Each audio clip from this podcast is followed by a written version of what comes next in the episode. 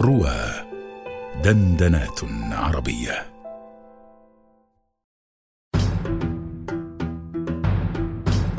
القصائد الرمضانية مع محمد حجاج على رواه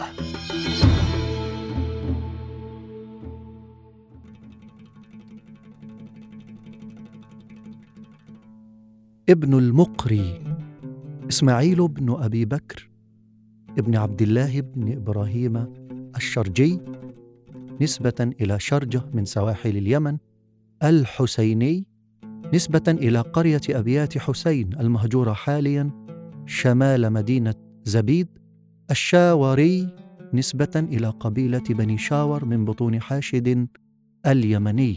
لقبه شرف الدين وكنيته أبو محمد.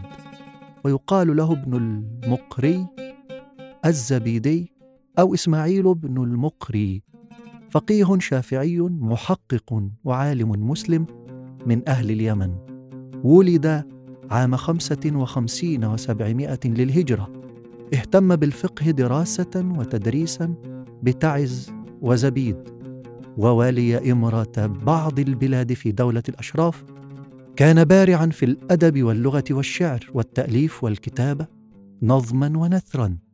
له مؤلفات عديدة في الفقه والأدب والشعر واللغة والتاريخ وغيرها. ومات في زبيد يوم الأحد منتهى شهر صفر سنة سبع وثلاثين وثمانمائة للهجرة.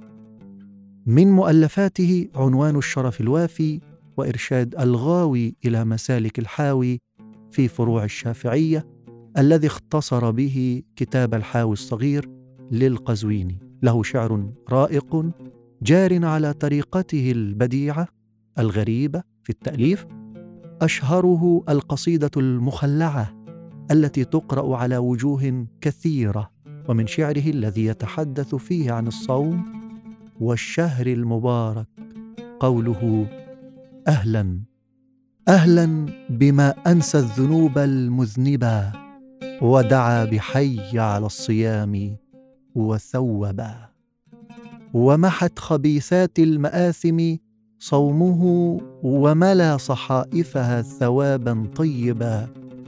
فليهن يحيى أنه لم يلهه ملك به تلهو الملوك ولا نبا.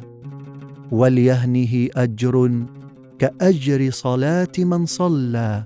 وصام بشهره وتحزبا أعيا الكرام الكاتبين له به ما يكتبون من الثواب واتعبا وأعاض كتاب الشمال مكاشطا يكشطن ما أمروا به أن يكتبا أجر وعتق في الصيام وصحة في الجسم. أكرم بالثلاثة مكسبا من فاته هذا وذاك وهذه منا ففي الدارين عاش معذبا.